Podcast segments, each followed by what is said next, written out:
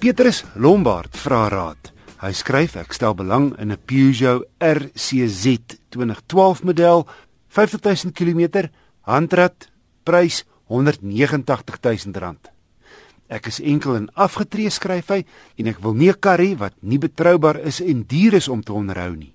Ek het gaan aanklop by Nicolou, hy is die tegniese redakteur van die tydskrif Car.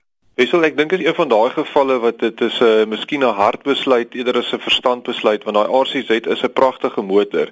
Maar ek dink ek moet oor die algemeen praat dat as jy tweedehandse verrigtingsmotor koop wat hierdie natuurlik is, kyk hy daai 1.6 turbo petrol masjien van 147 kW, dan moet jy altyd weet hy is 'n verrigtingsmotor en hy sou gery gewees het soos 'n verrigtingsmotor. So ek dink as 'n mens nou kyk, hierso is 'n 2012 model met 50000 km op, mens weet natuurlik nie altyd wie die vorige eienaar was nie. Maar ek sal versigtig wees om iemand aan te raai wat vir my sê hy soek 'n motor wat uiters betroubaar is en gaan goedkoop wees om te onderhou. Ehm um, dit gaan gewoonlik nooit saam met 'n verrigtingsmotor nie. As jy 'n verrigtingsmotor koop, dan moet jy weet daar gaan maar af en toe ietsie wees wat jy moet vervang al al is dit ook net eers die remme en die remskuive en so aan maar natuurlik ook met die RCZ omdat hy mooi bakvorm het. Ek kan net dink as jy een van 'n paneel moet vervang as jy 'n klein ongelukkie in die parkeerterrein het, dit sal nie goedkoop wees nie. So dis definitief 'n hartsbesluit. Ek dink as Petrus kan geld wegsit in die bank bo en behalwe die die koopprys van die kar wat hy weet hy hou dit daar vir as iets verkeerd gaan, dan kan hy dit koop. Maar nou ja, ek sou nie dit aanbeveel as nou jou laaste motor wat jy moet koop is betroubaarheid en lae koste hoog op jou agenda is nie. Nikkel dan het ek 'n brief ontvang van Andre Josias of dis dalk uh, Josias van Mossel Bay en hy vra waarom sit hulle nie 'n alternator op 'n battery aangedrewe voertuig nie. Wessel ja, ek dink Andre sin speel hierso op die alternator want dan die battery van die elektriese motor laai soos wat jy aanhou ry en dan kan jy vir ewig aanhou ry. Dit is 'n interessante vraag en is daai energievraag wat ehm um, al baie wetenskaplikes uh, oor nagedink het. En ons moet hierna kyk definitief na die wet van behoud van energie. En die wet sê dat in 'n geslote stelsel bly die energie altyd konstant. Dit wil sê daar kan geen energie geskep word of vernietig word nie, maar die energie kan net omgeskakel word van een vorm na die ander. So kom ons gee nou 'n voorbeeld van 'n elektriese motor. Sê nou maar hy ry op 'n gelykpad en hy trek 15 kW uit die battery uit om teen 100 km/h te ry en nou wil jy daai 15 kW weer terugsit in die battery deur 'n alternator te gebruik. Die probleem is die alternator gaan natuurlik nou 'n wringkrag nodig hê om te draai om daai krag op te wek en op die ou end gaan hy 'n remkrag veroorsaak wat meer as 15 kW gaan wees. Want, want natuurlik is daar nog verliese ook van daai energie gaan in hitte omgeskakel word en so en so op die ou end gaan daai alternator eintlik die kar doodrem dat hy gaan doodstop en jy gaan nie daai energie terugkry in die battery nie.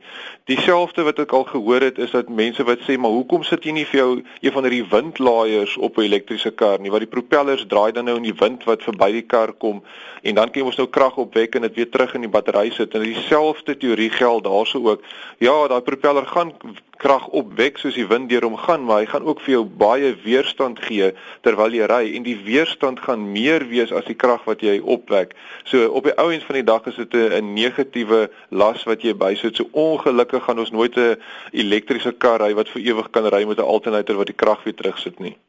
Nikkel dan het Richard Norke 'n vraag oor sy Tata en hy skryf: "Is dit moontlik dat al vier injectors gelyktydig onklaar kan raak?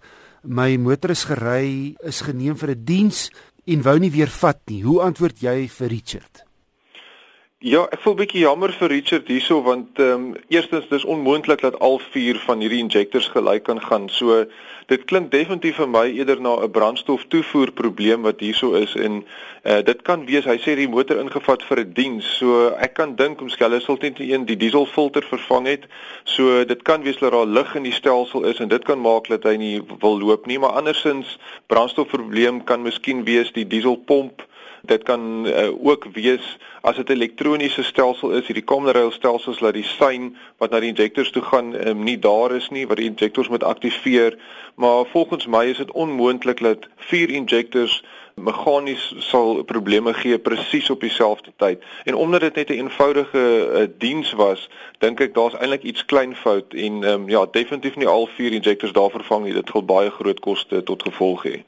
Nicolou die tegniese redakteur van Kar. Moedernavraag kan aan my ge-e-pos word. Die adres is wissel@rsg.co.za.